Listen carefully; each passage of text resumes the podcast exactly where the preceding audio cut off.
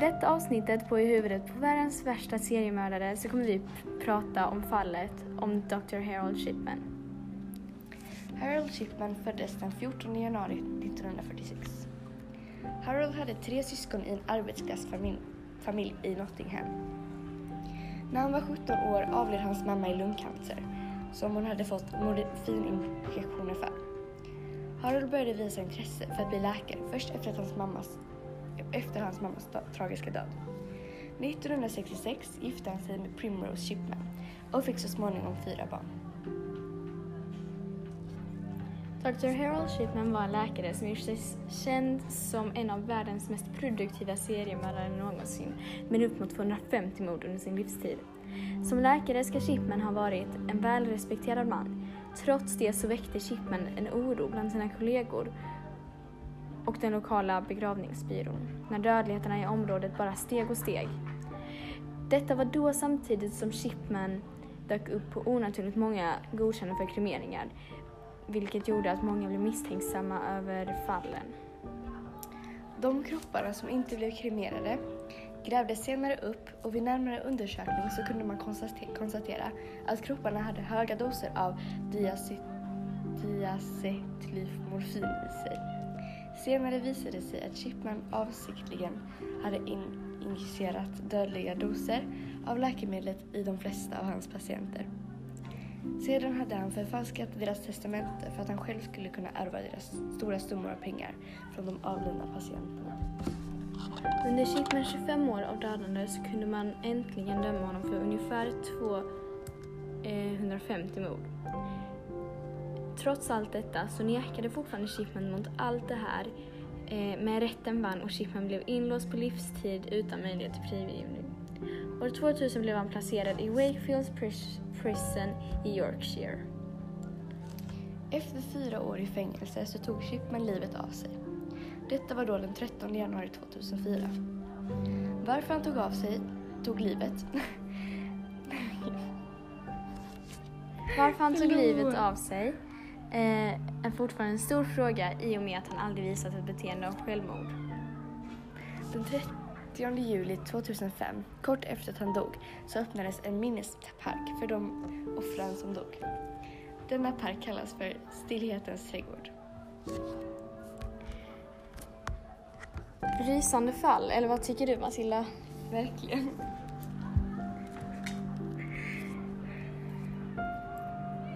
Men eh, det här med att eh, så här, det jag tycker är lite märkligt är att folk inte liksom märkte det på sjukhuset att många av hans patienter dog. Ja.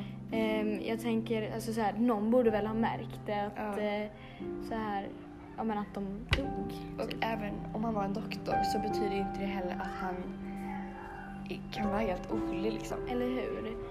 Och jag menar- en högrespekterad man liksom. Så. Precis.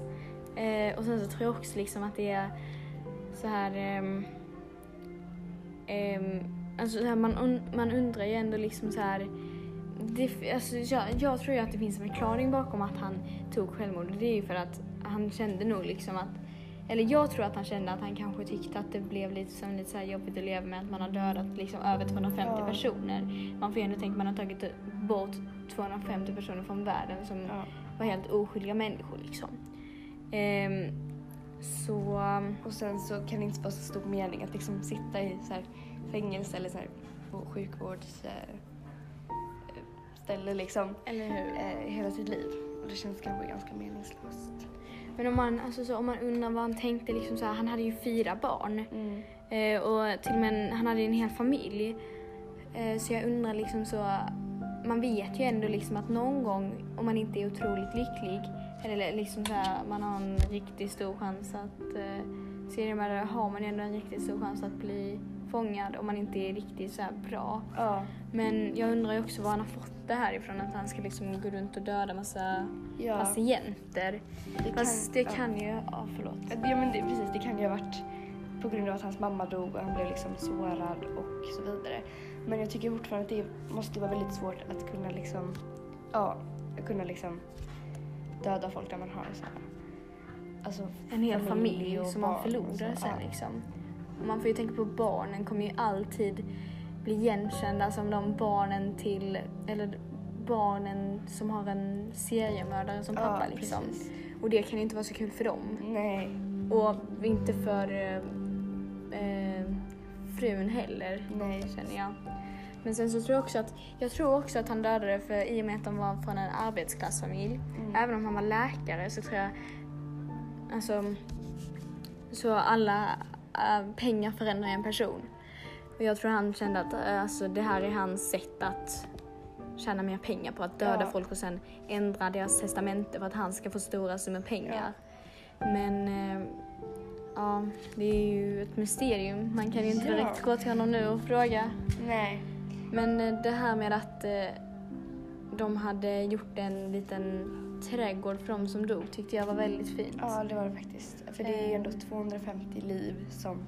Ja, om inte mer. Ja, om inte mer precis. Han har ju erkänt... Nej, han erkände aldrig. Men Nej. liksom, det kan ju vara fler än 250 för det är ju det man har märkt. Men Ja, liksom... precis. Mer eller mindre, det vet man inte. Men sen så också det här eh, med att han...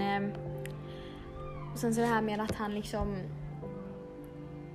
Eh, så här kremerade dem. Mm. Alltså var det ingen som borde fatta att om man Ja. kommer med ett lik så här väldigt Ja. ofta att eh, gud vi kanske ska ta och kolla in i det här. Precis. Och att han liksom, han då fi, eller så här, fikar i deras testamente Ja. borde man ju också alltså, reflektera över för att om ingen har liksom familj och sånt och då går ju lite pengar till honom då fattar man ju kanske att liksom det är ju att det kanske kan vara han för att han vill ha pengar liksom och Ja, han har fejkat precis. testamentet. Men sen så också det här liksom att om man nu är, alltså så, om man är en patient till honom, man har en familj, man har barn, man har man och rajtan och tajtan. Då borde ju liksom så här någon förstå att man inte ger, bara ger bort pengar till en läkare. Liksom, det är Ja. klart att man betalar pengar eftersom att de, in, de kanske inte har samma så här skattesystem som vi har i Sverige. Eh, men det är ändå väldigt märkligt och ändå ganska så bara, men varför skulle den vilja ge pengar Mm. till eh, en läkare liksom? Ja. Bara helt frivilligt. Jo. Det har du rätt i. Och sen så också det här 250 mord som vi sa innan. Mm. Det är jättemånga människor att ingen märkte det förrän liksom 250 mord senare är också... Ja. Nej, det, Det är ganska sjukt. det Sen så är det ju klart att man har mer tillit för liksom en doktor och så. Men eh, man borde ändå ha liksom börjat agera och så vidare. Eller hur? Men sen också så kan man också fråga, vem är alltså, frivilligt dödar 250 personer Mm. liv för pengar? Eller hur? Det känns inte som att många skulle välja det. Nej. Och sen så också... Alltså så här... Eh, så, så tror jag också att eh, det kan vara ganska svårt, alltså så här, för tänk hans familj igen om man tar tillbaks på det. Eh, att någon bara ens tanken på att döda så många oskyldiga människor. Eh, förstör de ju inte bara för deras familj, han förstör ju också för hans familj. Ja, jo men hans familj måste ju ha varit väldigt... Eh, Ja men eller typ Alltså- så, inte, visste inte familjen om det liksom? Familjen måste ju ha någonting med detta att göra. ja, det känns ju ändå som att hans fru kan ha varit lite inblandad i det här. Eller hur? För det handlar ju om familjens pengar. Eller hur? Och fyra barnen har ju antagligen inte nå- något med det här att göra för de var liksom barn och så Ja. Men, ja. Ja, men eh, det här var allting för det här eh, avsnittet. ja. Om inte du vill säga någonting? Nej, det vill jag nog inte. Nej. Eh, ja. ja.